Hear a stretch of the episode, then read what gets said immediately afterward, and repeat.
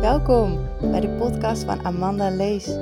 De podcast waarin je wekelijks tips en inspiratie ontvangt over hoe jij jouw mooiste leven kunt creëren vanuit alignment met alles wat jij bent. Hoe werken de Akasha-chronieken nu precies? Hoe pas je dit toe in je dagelijks leven? En hoe creëer je nou het droomleven waar jij intens naar verlangt? Vertel graag.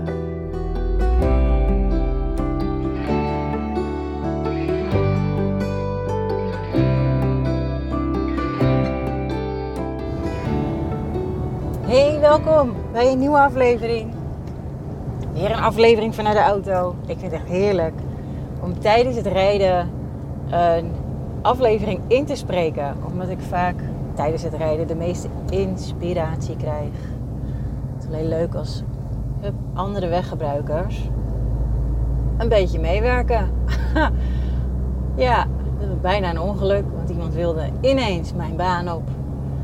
En uh, helemaal moeilijk lopen doen. Maar het is goed gekomen, gelukkig. Uh, multitasken, dat kan ik. Daar ben ik goed in tijdens het rijden.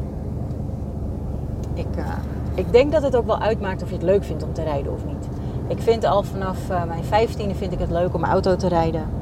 Ik heb stiekem tussen jou en mij, hè, stiekem op mijn vijftiende ook leren autorijden. Uh, 15 of was ik 16? Nou, zoiets. En uh, ik moest een hoop afleren toen ik uh, rijles kreeg op mijn 18e. Maar uh, ik heb het altijd al leuk gevonden. Het is voor mij altijd een vorm van ontspanning geweest.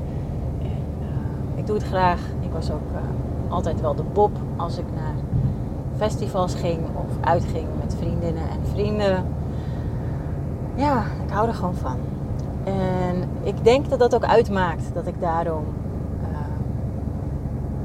lekker een aflevering kan inspreken vanuit de auto. Ja, gaat me makkelijk af, laat ik het zo zeggen. Um, deze aflevering heb ik het niet over autorijden. Dat niet de bedoeling. Deze aflevering wil ik wel wijden aan uh, een onderwerp gekoppeld aan chaos. En chaos, dat kun je op vele verschillende manieren zien. Uh, chaos in je hoofd, veel gedachten, veel drukte in je hoofd. Uh, chaos in het verkeer, hè, dat is ook mogelijk. Chaos is ook soms terug te zien in huis. Trek je kledingkast maar eens open. Wat zie je daar? Is het allemaal netjes geordend? Of is het een chaos? Uh, kinderkamers, puberkinderkamers, puberkamers. Ook vaak een chaos. Vaak, hè? niet altijd. Het zegt heel veel over de persoon zelf. En ik merk aan mezelf, ik heb heel vaak chaos in mijn hoofd. En dat is misschien niet te zien aan de buitenkant, maar het is er wel. Op het moment dat ik chaos in mijn hoofd heb, dan helpt het enorm om eerst te gaan opruimen. Om ervoor te zorgen dat mijn omgeving, daar waar ik zit, daar waar ik ben, dat dat rustig is. Dat het opgeruimd is, dat alles een eigen plekje heeft, dat de rommeltjes weg zijn. Daarom heb ik ook de laatste jaren uh, ben ik behoorlijk gaan ontspullen. Dus dingen die ik meer dan een bepaald aantal jaren niet gebruikt heb, heb ik ook gewoon weggegooid. En zo weet ik dat ik nu nog steeds een aantal dingetjes op zolder heb staan die ik wil weggooien. En waaronder een hele grote kist vol met dagboeken. Ik uh, heb vanaf jongs af aan vond ik schrijven ook heel erg leuk. En heb ik een dagboek bijgehouden. En die heb ik altijd bewaard. En daar wilde ik een boek van schrijven. Een soort van levenswerk. Maar als ik daaraan denk, dan denk ik... Jeetje, daar heb ik helemaal geen zin in. Ik vind het zo'n gedoe. Alles teruglezen. Opschrijven. Terug naar het verleden. Alles weer oprakelen. Ik ben klaar met mijn verleden. Het verleden is verleden tijd. Niet voor niets. Dus ik wil dat loslaten. Maar ik wil dat niet zomaar weggooien in de vuilnisbak. Ik wil daar een heel mooi ritueel van maken. Dus op mijn verlanglijstje staat dus ook een grote vuurschaal. Ik wil heel graag een grote vuurschaal. En dit zijn ook gelijk tips van jou, hè, wat ik nu vertel.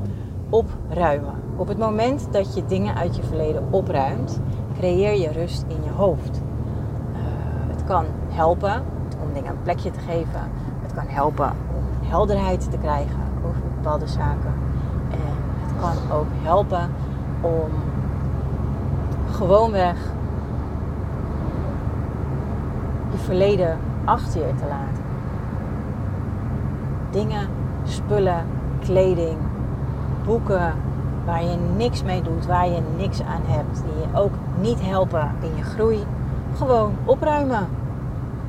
En ik zeg wel gewoon opruimen. En ik weet ook dat dat voor heel veel mensen ontzettend moeilijk is. Echt ontzettend moeilijk. Elk stukje, elk spulletje, elk boekje, elk doosje, elk potje, elk pannetje heeft een waarde, een emotionele waarde, heeft een herinnering misschien. Um, en er zijn heel veel mensen die heel veel moeite hebben om herinneringen los te laten. En dat is helemaal oké. Misschien ben jij er ook wel een van. Oude dingen loslaten. En als je dat moeilijk vindt, dan is dat helemaal oké. Als je last hebt van de rommel in je hoofd, in je, in je huis, in je omgeving, in je auto, begin dan eens met opruimen. En begin met iets, iets groots. Iets wat behoorlijk in de weg staat. Iets wat misschien vooraan staat. Dat je denkt van nou, dit is een doos met spullen. Daar heb ik er helemaal niks aan. En dat kan gewoon weg. Ga dat dus weggooien. En ehm, doe elke dag een klein beetje. Niet gelijk heel veel, want dat kan nog moeilijker zijn. Dus elke dag een beetje. En als je het heel moeilijk vindt alleen, vraag dan hulp. Maar echt opruimen, dat kan zo helpen. Ik hoor wel eens uh, verhalen van mensen die het huis van hun overleden dierbaren moesten opruimen. Want zo'n huis moet natuurlijk gewoon leeg. Dat kun je niet laten voor wat het is. Dus dat moet dan opgeruimd worden. En ik heb wel eens gehoord uh, dat, dat mensen dan zeiden van nou, het is niet normaal hoeveel troep hij of zij had. Niet normaal. En wat moet hij ermee of zij? Gewoon geen idee. Um, en dat is eigenlijk best wel vervelend voor je nabestaanden, denk ik. Dat die al die troep moeten opruimen. Van jou. Dus elk stukje, elke herinnering, elk iets met emotionele waarde, dat is dan nog in jouw huis. En nu komen we bij de volgende stap. Op het moment dat jij uh, de fysieke wereld verlaat, dus dat jij overlijdt en jouw ziel gaat naar die hemelse sferen, en jouw lichaam blijft achter, wordt misschien begraven, misschien gecremeerd, dan zijn al jouw spullen die in je aardse leven van jou zijn, die zijn er nog. Maar je kunt ze niet meenemen. Je kunt ze gewoon niet meenemen. Dus je laat ze achter. Maar voor wie laat je ze achter? Voor wie heb je al die spullen? Wat wil je ermee? Snap je? En dat is ook iets om over na te denken. Zoveel spullen. En um, wat wil ik met al die spullen? Wat ga ik doen met al die spullen? Heb ik ze nog nodig? Nee. Als ik doodga, heb ik al die spullen niet nodig. Nee. Nee.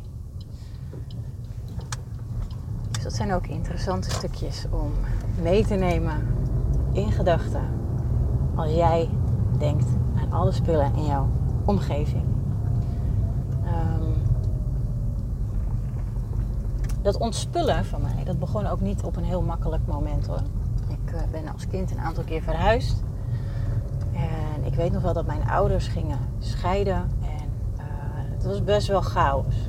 Chaos in mijn hele leven op dat moment. Ik was eind puberteit, eind van mijn tienerjaren. En uh, ik was net begonnen aan een uh, studie, het HBO. En um, nou ja, het, is, ik, het was geen makkelijke tijd. Laat ik het daarop houden. Mijn vader was er niet. Die was voor zijn werk in, uh, in het buitenland, geloof ik. En ik denk dat hij al lang al afscheid had genomen van alles. Uh, mocht je dit wel luisteren, pap, no hard feelings. Het is wat het is. Wat er gebeurd is, is gebeurd.